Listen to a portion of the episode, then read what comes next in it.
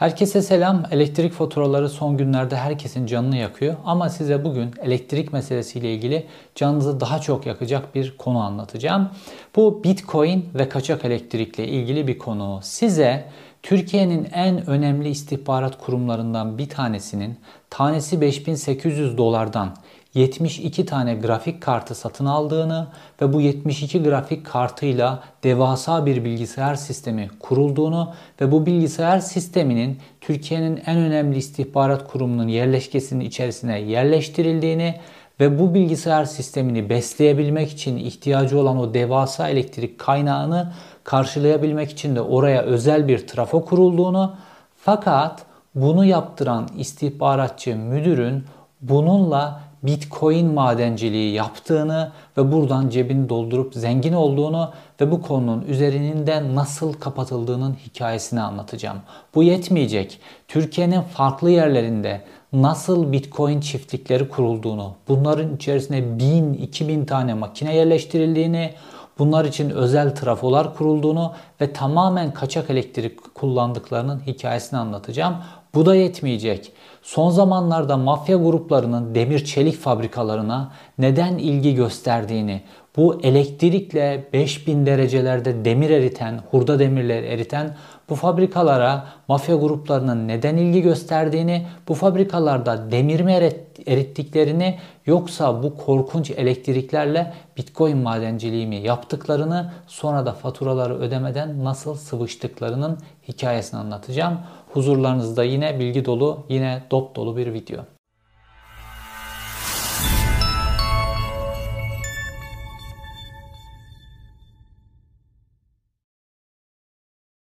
Kripto para madenciliği ile ilgili birkaç şey söyleyip asıl konumuza geçmek istiyorum. Belki bilmeyenler vardır. Onlar için bu kripto para madenciliği, bitcoin madenciliği nedir? Onlarla ilgili kısa birkaç bir şey söyleyeyim.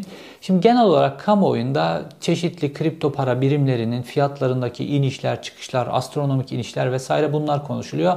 Ve işte zamanında şu kripto paradan alsaydım şimdi şöyle şu kadar param olurdu gibi konular konuşuluyor. Bir de sistemin içi var. Bu sistemin içindeki mesele bitcoin madenciliği denen iş. Bitcoin sisteminin işleyebilmesi için Bitcoin madenciliğine ihtiyaç var ve bunu yapabilmek için de grafik kartı çok kuvvetli bilgisayarlara ihtiyaç var.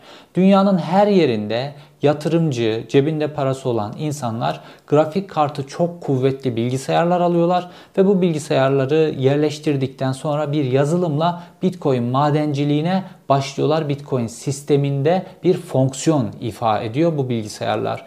Paranıza göre bir bilgisayarınız olabilir, 10 bilgisayarınız olabilir, 1000 bilgisayarınız olabilir, 10 bin bilgisayarınız olabilir.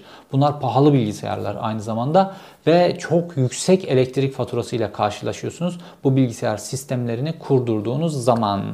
Şimdi Türkiye'de de 1000 bilgisayarı olan, 2000 bilgisayarı olan bunlara Bitcoin çiftlikleri deniyor. Böyle yatırımcılar var. Fakat mesele dünyadaki bu işi yapanlardan farklı olarak Türkiye'de işin içerisinde yine dolap, işin içerisinde vergi kaçırma, işin içerisinde vurgunlar var. Şimdi Türkiye'de Bazen zaman zaman jandarma da baskın yapıyor ve çok büyük e, bitcoin çiftlikleri ortaya çıkıyor. Bunların bazısı legal olarak bu işi yapıyor. Bazısı ise makineleri gümrüksüz getirmiş. Makineler tamamen kaçak. Makinelerde bir gümrük ödenmemiş. Kaçak elektrik kullanıyorlar ki bu bitcoin madenciliğindeki en yüksek gider elektrik meselesi ve kaçak elektrik kullanıyorlar. Şimdi size bir video izlettireceğim. Bu videoda meşhur Tosuncuk vardı ya çiftlik bank. O çiftlik bankta halktan et üreteceğim, süt üreteceğim, hayvancılık yapacağım diye paraları çiftçilerden toplayıp nasıl Bitcoin çiftliğine yatırdığı ve bin makinelik bir nasıl bir çiftlik kurduğuna ilişkin bir görüntüler var burada. Sesim gelmeyecek.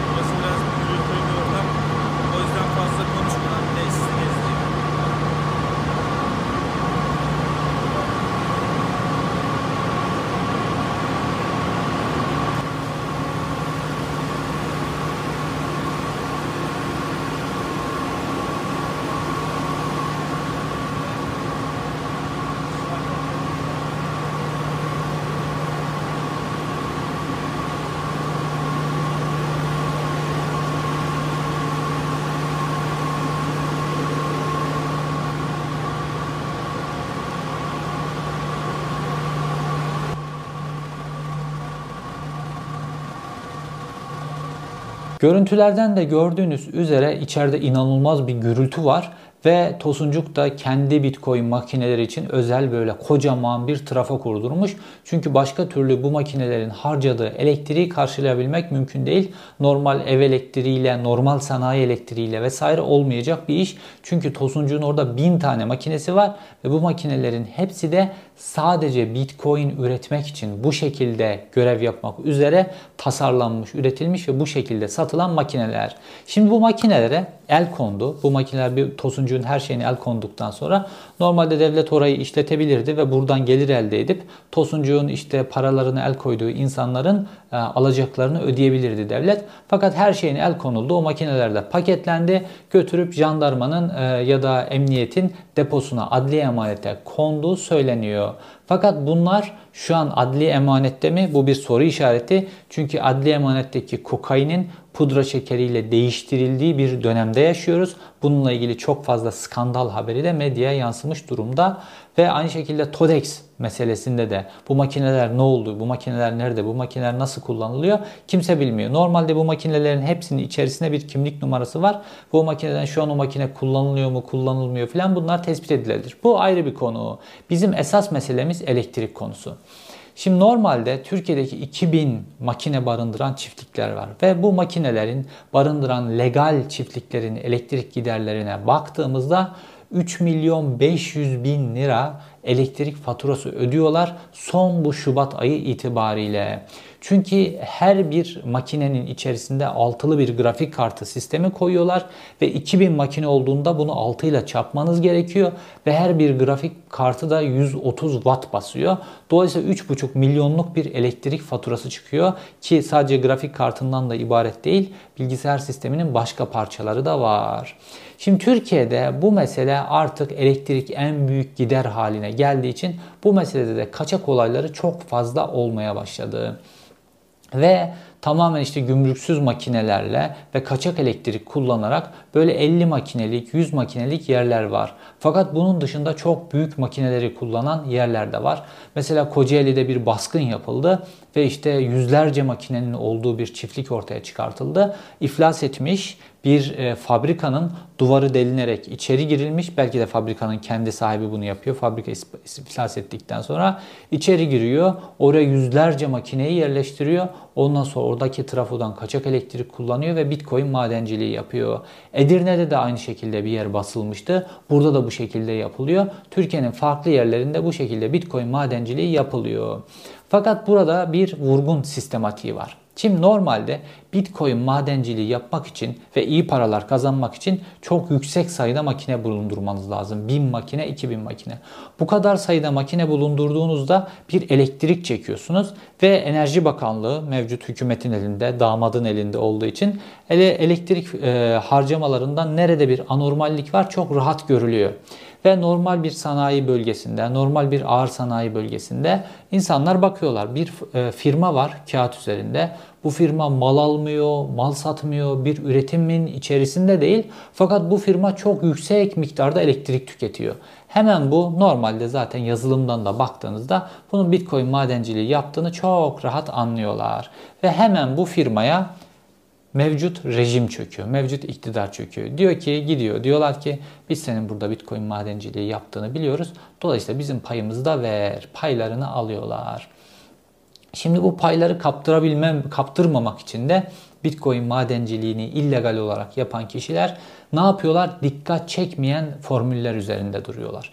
İşte bu dikkat çekmeyen formüllerden bir tanesi yüksek elektrik tüketen fabrikalar. İşte son zamanlarda son videolarda da anlatıyorum ya mafya gruplarının son zamanlarda demir çelik fabrikalarına ilgilerinin asıl nedenlerinden bir tanesi de bu Bitcoin meselesi. Ve bununla ilgili Ukrayna'da da çok önemli bir skandal patlak verdi. Ukrayna'nın böyle önemli oligarklarından bir tanesi ki Ukrayna'da biraz Türkiye'ye benziyor belli e, yönleriyle. Nasıl şu an bizim İçişleri Bakanımız da bir nevi oligarksa Ukraynalı bu oligark da geçmişte valiymiş ve sonra işte oligarklığına devam etmiş valilik görevi bıraktıktan sonra ve 188 milyon dolara bir tane demir çelik fabrikasını satın alıyor.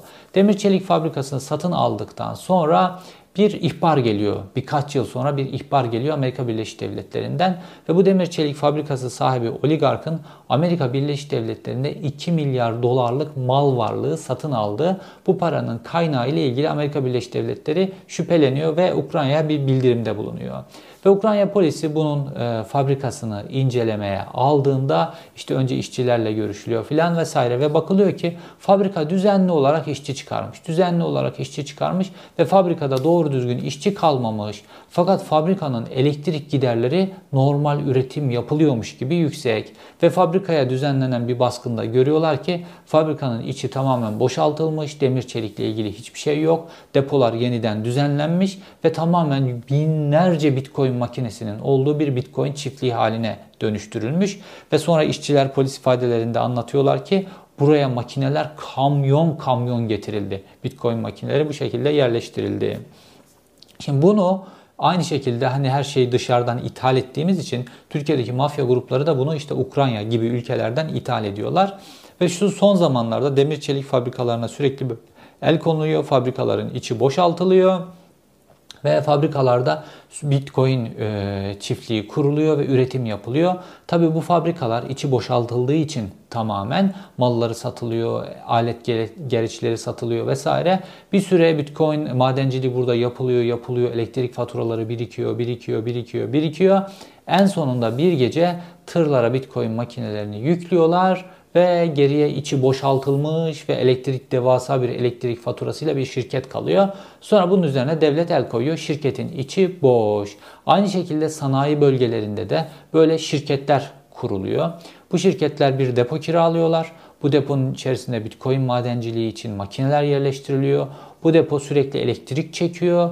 Bitcoin madenciliği yapılıyor, yapılıyor, yapılıyor. Fakat fabrikaya ne giren bir mal var, satın alınan mal var, ne fabrikadan satılan bir mal var. Dolayısıyla aslında şirketin hiçbir işlemi yok. Sonrasında elektrik faturası belli bir limite gelip kesilme noktasına geldiği andan itibaren şirketin içi ve o makinelerin hepsi boşaltılıp başka bir yere götürülüyor. İçinde bomboş, devasa bir elektrik faturası kalan bir şirket oluyor. Peki bu faturalar ne oluyor?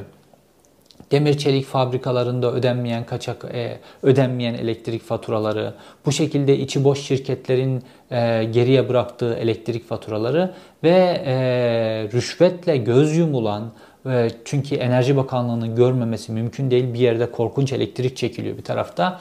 Rüşvetle göz yumulan bu illegal bitcoin çiftlikleri bazen ahırlarda, bazen depolarda, bazen köylerde, bazen sanayi bölgelerinin kenarlarındaki bu illegal bitcoin çiftlikleri de kaçak elektrik kullanıyorlar ve kaçak elektrik faturası dönüyor, dolaşıyor, nereye geliyor? Hepimiz ödüyoruz. Bütün herkes bu kaçak elektriği ödüyor. Çünkü herkesin faturalarında kayıp kaçak bedeli diye bir bedel var. Bu kayıp kaçak bedeliyle ilgili yıllardır tartışılan şey işte Güneydoğu'da elektriğiyle ısıtıyorlar evlerini. Dolayısıyla onlar elektrik faturası ödemiyorlar. Kayıp kaçak bedeli Güneydoğu'dan kaynaklanıyor. Şimdi normalde polislere sorsanız, normal Güneydoğu'da görev yapan polislere sorsanız, Güneydoğu'da polislerin kendisi de kaçak elektrik kullanıyor. Niye biliyor musunuz? Bu Süleyman Soylu döneminde özellikle ve 15 Temmuz sonrası dönemde e, her yere uygulama noktası, sabit uygulama noktaları koymak bir adet haline geldi. Tıpkı 90'lı yıllardaki gibi. İşte Güneydoğu'da da her yere sabit uygulama noktası koyuyor. Yaz, kış polisler orada bekliyorlar. E, ısıtma yok, soğutma yok. Bu, bu polisler orada ne yapacak? Nasıl ısınacak?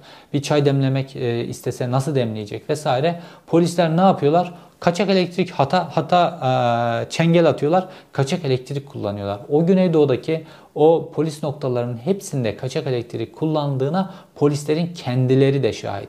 Fakat dediğim gibi bu kaçak elektrik meselesinde bu Güneydoğu ile ilgili anlatılan efsaneler şuna bunların hepsi aslında küsurat. Esas olarak bu dediğim demir çelik fabrikalarındaki ödenmeyen faturalar, kayıp kaçak bedelleri, e, batan şirketler, sürekli olarak batan şirketler. Bunların elektrik faturaları sürekli yayılıyor.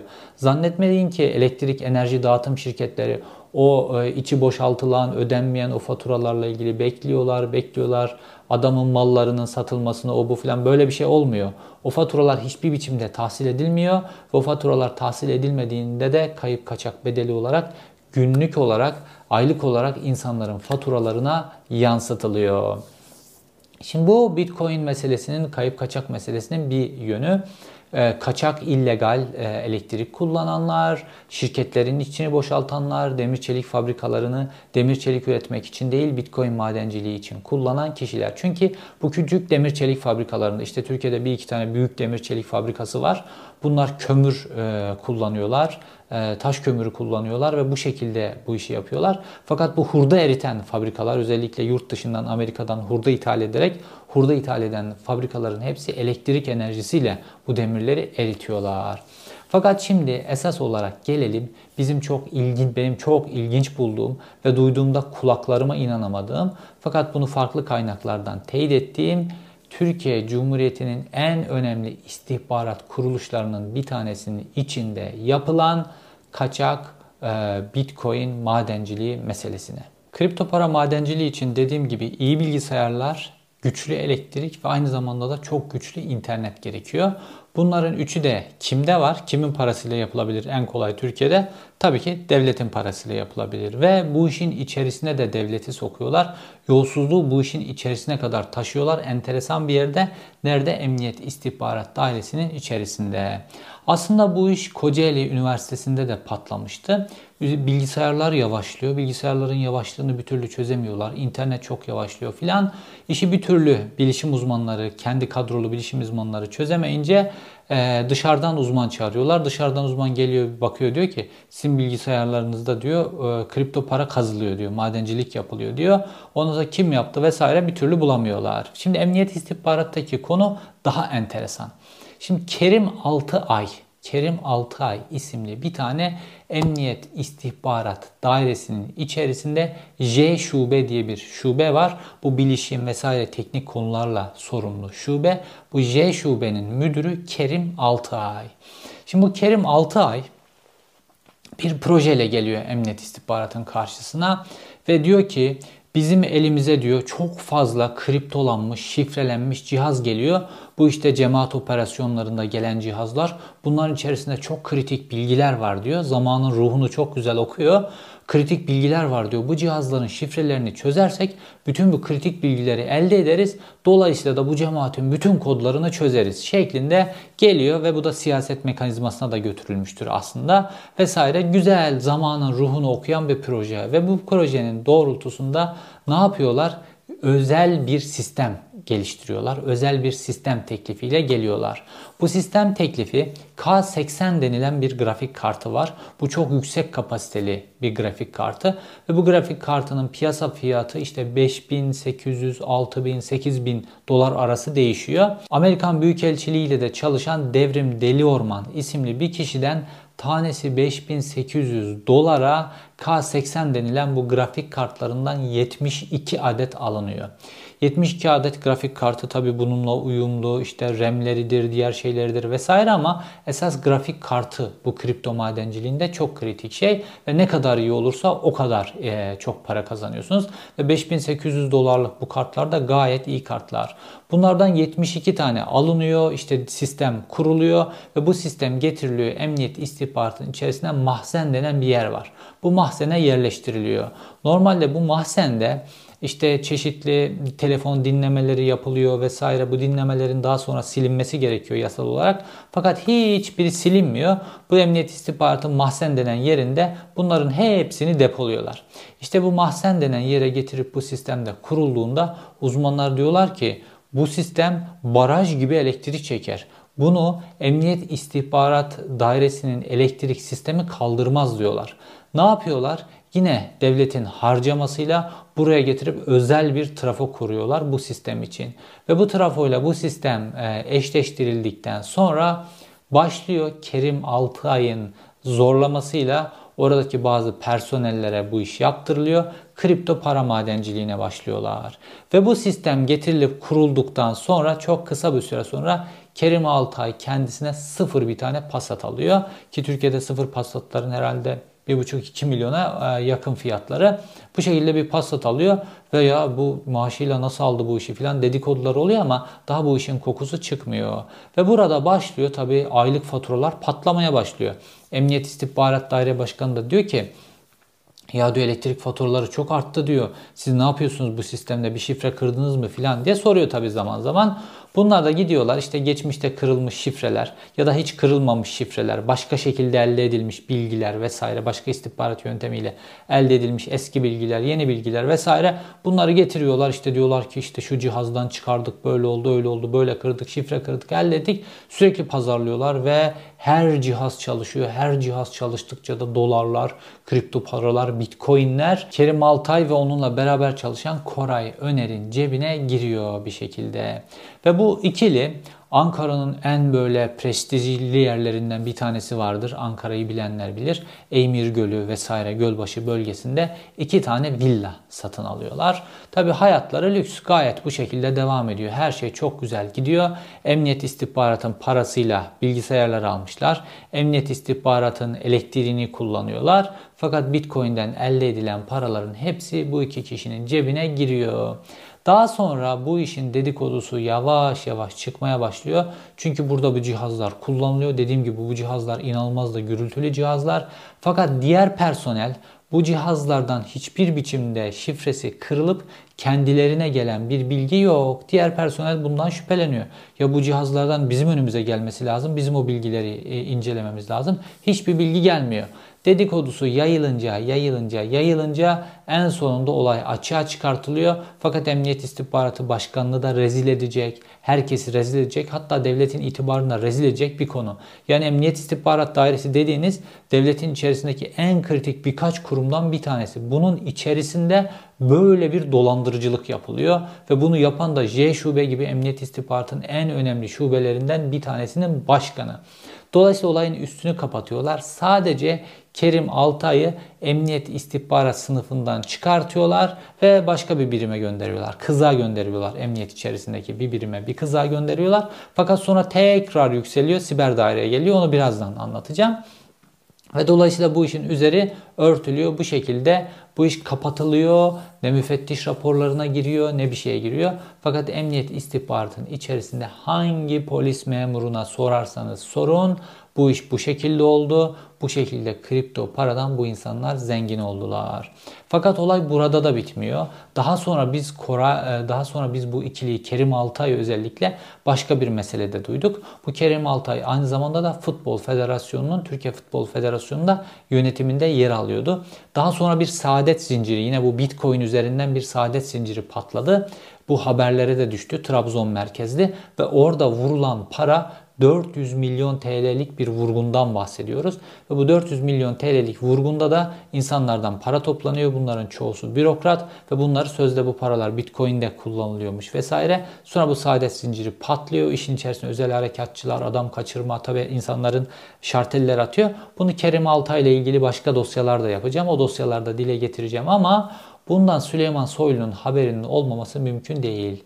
Trabzon'da 400 milyonluk bir vurgun var. Bir rant oluşturmuş birileri bunu vurmuş ve bundan Süleyman Soylu ki Trabzonlu Süleyman Soylu bundan payını almayacak. Bu mümkün değil. Ve bundan sonra bu da patlayınca, bu da patlayınca onun nasıl patladığını da anlatacağım. Bu patladıktan sonra Kerim Altay gözaltına alındı ve gözaltına alındıktan sonra da e, Türkiye Futbol Federasyonu yönetiminden istifa etti. Fakat polislikten istifa etmedi. Kerim Altay halen daha polis. Açığa alındı bu hadiseden sonra ama halen daha polis. Biz 90'lı yıllarda böyle açığa alınan polisleri biliyoruz. Açığa alındılar, açıkta tutuldular. Sonra göreve iade edildiler. Aradan zaman geçti. Şimdi o polis müdürlerine Türkiye'nin en kilit noktalarında olan Mehmet Ağar müdürleri olduğunu hepimiz biliyoruz. Şimdi Kerim Altay'da bir süre böyle sessiz kalacak. Ondan sonra bir bakacağız ki bir noktada belki de Emniyet İstihbarat Daire Başkanı olarak karşımıza çıkacak. Bir 5 yıl sonra, bir 10 yıl sonra belki de karşımıza böyle çıkacak. Çünkü halen daha yaşı var. Şu an ikinci sınıf emniyet müdürü statüsünde. Daha birinci sınıf emniyet müdürü olacak. Daha neler olacak belki Kerim Altay. Fakat emniyet istihbaratı bu şekilde kirli bir iş için, bu şekilde yolsuzluk, vurgun için kullanan bir adam. Fakat bunu, bu mu sadece mesele? Hayır. Mesele sadece bu değil. Şimdi bu Kerim Altay'ın bu zenginliği tabi emniyetin içerisinde dilden dile yayılıyor. İşte göl başında villada oturması, sıfır paslatı vesaire. Ve o günlerde 2000 e, ya darbeden sonraki günlerde 2017'nin içerisinde olması lazım zannedersem. Abdurrahman Şimşek bir tweet atıyor. Abdurrahman Şimşek biliyorsunuz Sabah gazetesinde çalışıyor ve Sabah gazetesinde yayınladığı haberler hep Milli İstihbarat Teşkilatı ve Milli İstihbarat'tan Teşkilatı'ndan gelen bilgiler doğrultusunda yayınlanan haberler. Abdurrahman Şimşek bir tweet atıyor. Bu Kerim Altay ve onun ekürüsü olan Koray'ın villalarının villalarını nasıl elde ettikleriyle ilgili. Siz e, memur maaşıyla mı bu villaları aldınız? Biz e, sen biz e, devletin arabasıyla sizin nasıl arsa simsarlığı yaptığınızı bilmiyor muyuz vesaire gibi bir tweet atıyor. Bu tweet tabi alarm durumu. Çünkü Sabah gazetesinde MİT'le ilişkili bir adam vesaire.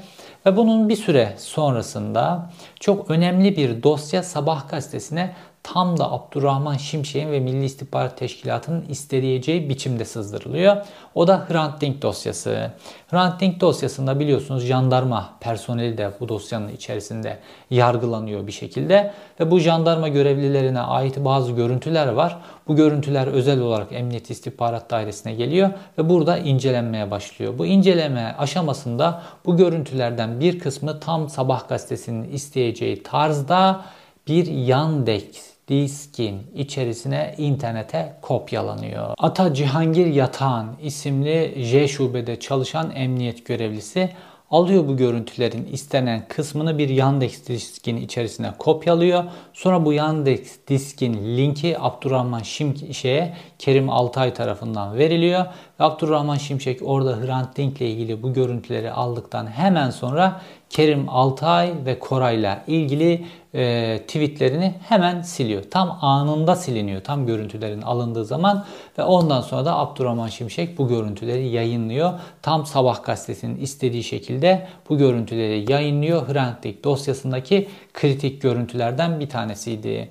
Peki bu Kerim Altay bu kuvveti nereden alıyor? Bu tip e, dalavereler çevirecek kuvveti nereden alıyor? Çünkü bu işi yaptıktan sonra, o görüntüleri sızdırdıktan sonra Emniyet İstihbarat Daire Başkanı Engin Dinç'i görevden aldırdı. Ki Engin Dinç Cumhurbaşkanlığı ve Cumhurbaşkanlığının koruma müdürü Ramazan Bal'ın referansıyla Emniyet İstihbarat Dairesi'nin başına gelmişti. Fakat onu bile yiyecek kadar kuvveti kendilerinde görüyorlar. Emniyet istihbaratının içerisinde kripto para madenciliği yapacak kadar kendinde kuvveti görüyor Kerim Altay. Neden? Çünkü Kerim Altay'ın da elinde tıpkı Süleyman Soylu'nun kuvveti, kuvvet noktalarından bir tanesi olduğu gibi Kerim Altay'ın elinde de çok büyük bir dijital arşiv var. Mesela örnek vereyim size. Şimdi devletin önemli kişilerinin e, telefonları zarar gördüğünde mesela kullandığı şahsi telefonu ya da devletin ona verdiği, tahsis ettiği telefonun ekranı çatladı, kırıldı, bir şey oldu. Bunun ekranının değiştirilmesi lazım ya da suya düştü, oldu, bu oldu, bir şey oldu. Bunu normal tamirciye götürüp veremiyorlar. Çünkü devlet görevlisi, devletin kritik konumundaki bir görevli bunu götürüp normal bir tamirciye veremez. Bilgiler ele geçer, o olur, bu olur diye. Bu ne yapılıyor? J şubenin içerisinde bir alt şube var ve burada cep telefonlarının tamiri de yapılıyor. Ve burada Cengiz Yetkin isimli bir e, personel var. Bu telefon tamir işlerinde de çok iyi e, bir polis memuru. Ve bu polis memuruna bu telefonlar getiriliyor. Hep devletin çeşitli noktalarındaki kritik telefonlar, arızalar, ekran değişimleri, şu bu filan işleri. Bunların hepsinin geldiğinde sadece ekranları ve arızaları giderilmiyor. Aynı zamanda imajları da alınıyor. Bu imajlar nereye gidiyor? Kerim Altay'ın deposuna gidiyor. Mesela kimin imajı biliyor musunuz? Efkan Ala, Türkiye Cumhuriyeti'nin İçişleri Bakanı.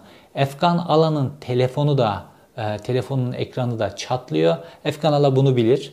Telefonu çatladıktan sonra Efkanala da aynı şekilde Emniyet İstihbarat'a gönderiyor bunu. Ve Emniyet İstihbarat'ta Kerim Altay bu telefonun da yani İçişleri Bakanı Efkan Alan'ın telefonunun da imajını alıyor. Emniyet Genel Müdür Yardımcılarının telefonlarının da başına böyle bu şekilde işler geliyor. Onların da imajını alıyor. Dolayısıyla Kerim Altay bir dijital depoya dönüşmüş durumda. Ve hatta denildiğine göre ee, Binali Yıldırım ve Binali Yıldırım'ın oğullarının telefonlarına da aynı şekilde imaj alma işlemini bu şekilde gerçekleştirdiği için Kerim Altay'ın elinde çok fazla koz var ve Kerim Altay'a bu şekilde dokunulamıyor. Fakat Kerim Altay'ın bir de koruyucu meleği var. Erdal Çetinkaya. Erdal Çetinkaya Emniyette Personel Genel Müdürlüğünde personel genel müdürü, müdür yardımcısı pozisyonunda birisi. Bu Kerim Altay'ı sürekli koruyor. Kerim Altay'ın işte bu Bitcoin madenciliği, emniyet içerisinde Bitcoin madenciliği yaptığı tespit edilmesine rağmen bu skandaldan sonra Kerim Altay bir süre kızağa çekiliyor. Kızağa çekildikten sonra işte bu koruyucu meleği sayesinde siber daireye başkan yardımcısı yapılıyor. Ve işte e, bir videoda anlattım size Süleyman Soylu'nun siber dairenin içerisinde 350 kişilik sivillerden oluşan bir ordu kurduğu, bu orduya da emniyet istihbarattan uç verildiği, dolayısıyla siber dairenin içerisinde Süleyman Soylu'nun torpiliyle alınmış bilgisayar mühendisleri ve normal sivil personel şu an emniyet istihbarat dairesinin ee, iki tane çok kritik programın, Emniyet İstihbarat Dairesi'nin iki tane temel programı var. DEVA ve IRIS. Türkiye'deki bütün istihbarat bunun içerisinde. E, Emniyet İstihbarat'ın elinde olan. Bu sivil personel Süleyman Soylu'nun özel trolleri Emniyet İstihbarat'ın bu iki sistemini kullanıp herkesin en özel istihbaratına aynı zamanda Türkiye'nin güvenliğiyle ilgili de çok kritik istihbarata ulaşıyorlar. Herkesle ilgili her türlü e, sorgulamayı yapabiliyorlar. Ve bu kişilere bu uç verilmesi, bu fikri e, Süleyman Soylu'nun aklına sokan kişi de Kerim Altay. Çünkü Emniyet İstihbarat Dairesi'nden gönderildikten sonra siber daireye geliyor. Ve siber daireye bu yetki verildikten sonra da siber daire bir çeşit paralel istihbarat teşkilatı haline geliniyor. Ve bunları da tamamen bu sistemleri de Kerim Altay kendi e, amaçları doğrultusunda kullanıyor. Ne zamana kadar? Berat Albayrak'la ilgili bir skandal patlayana kadar. Şimdi olaylar nereye gidiyor? Rezilliğin boyutlarına bakın. Berat Albayrak bakan olduğu dönemde Diyarbakır'da bir ziyareti var. Ve Diyarbakır'a bu ziyarete gittiğinde e, Berat Albayrak'la birlikte bir observasyon e, aracı gönderiliyor. Bu observasyon aracı emniyetin elinde 12 tane var. Bu araç bir yerde bulunursa o bulunduğu yerdeki bütün telefonları dinleyebiliyor. Telefonlar hani baz istasyonuna sinyali gönderiyorlar ya. Araya giriyor ve o telefonun hepsini dinliyor, SMS'lerini e, e, görebiliyor. İsterse telefonların hepsini bloklayabiliyor. İsterse istediği telefonu blokluyor, istediğini açabiliyor vesaire. Çok gelişmiş bir cihaz. Ve bu cihaz özellikle polisin özel operasyonlarında anında olay yerinden ortam dinlemesi vesaire o tip işleri yapabilmek için operasyon anlarında çok özel takiplerde kullanılan ve Türkiye'de sadece 12 tane olan bir araç. Bu observasyon araçlarından bir tanesi Süleyman Soylu'nun organizasyonuyla belli ki ve Kerim Altay'ın da e, bu işin içerisinde rol almasıyla birlikte gönderiliyor Diyarbakır'da. Diyarbakır'a e, da Diyarbakır ziyaretinde Berat Albayrak'ı takip ediyor. Bütün dinlemeleri yapılıyor. Fakat Berat Albayrak'ın koruma ekibi tarafından bu fark ediliyor. Fark edildikten sonra skandal patlıyor ve bu skandal patladıktan sonra Kerim Altay ondan sonra siber daire başkanlığından da alınıp tam kızak pozisyona geçiyor. Fakat bu tam kızak pozisyona geçtikten sonra da bu sefer de saadet zinciri denen bir sistem kuruyor. Ve işte bu saadet zinciri de Trabzon merkezli olarak kuruluyor. Ve Trabzon merkezli kurulan bu saadet zincirinde işte bürokratlardan para toplanıyor, polislerden para toplanıyor ve bu paralarla da Bitcoin e, işlemleri yapılıyormuş ve herkese çok fazla pay verilecekmiş diye bu şekilde önce paralar dağıtılıyor. 3 ay, 4 ay, 5 ay, 6 ay bir seneyi bulmadan biliyorsunuz bu saadet zincirleri patlar ve bu şekilde bu sistem patlıyor. 400 milyon TL para buhar oluyor. Tabi bunların çoğu polis. İçlerinde özel harekatçılar da var. Ve bunlardan bir tanesi bir e, sivil memur. Bu işin organizatörlerinden bir tanesi Trabzon'da. Bu sivil memuru işte İstanbul'a gidiyor vesaire Trabzon'a dönerken havalimanında ineceği bunun önceden bilgi alınıyor polisler tarafından. Çünkü canı yanmış, paraları gitmiş polisler. Bu polisler ne yapıyorlar? Özel harekatçı polisler de var bu şekilde canı yanmış kişiler.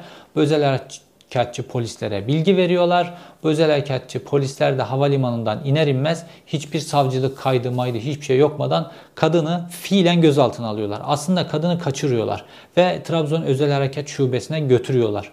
Burada kadını sorguluyorlar, eziyorlar, korkutuyorlar vesaire. Ve kadın en sonunda diyor ki tamam hepinizin parasını ödeyeceğim her şeyi kabul ediyor. Bazı bilgiler veriyor. Ondan sonra kadını bırakıyorlar. Kadını bıraktıktan sonra kadın gidiyor toplayabildiği kadar parayı topluyor. Bir valiz dolusu parayla birlikte kaçmaya başlıyor ve Edirne'de kadın durduruluyor. Edirne'de durdurulduktan sonra aracından bu yüklü miktarda e, para çıkıyor ve sonrasında da kadının söylediği polislere, kendisini durduran polislere ilk söz siz Kerim Altay'ın itleri misiniz diyor.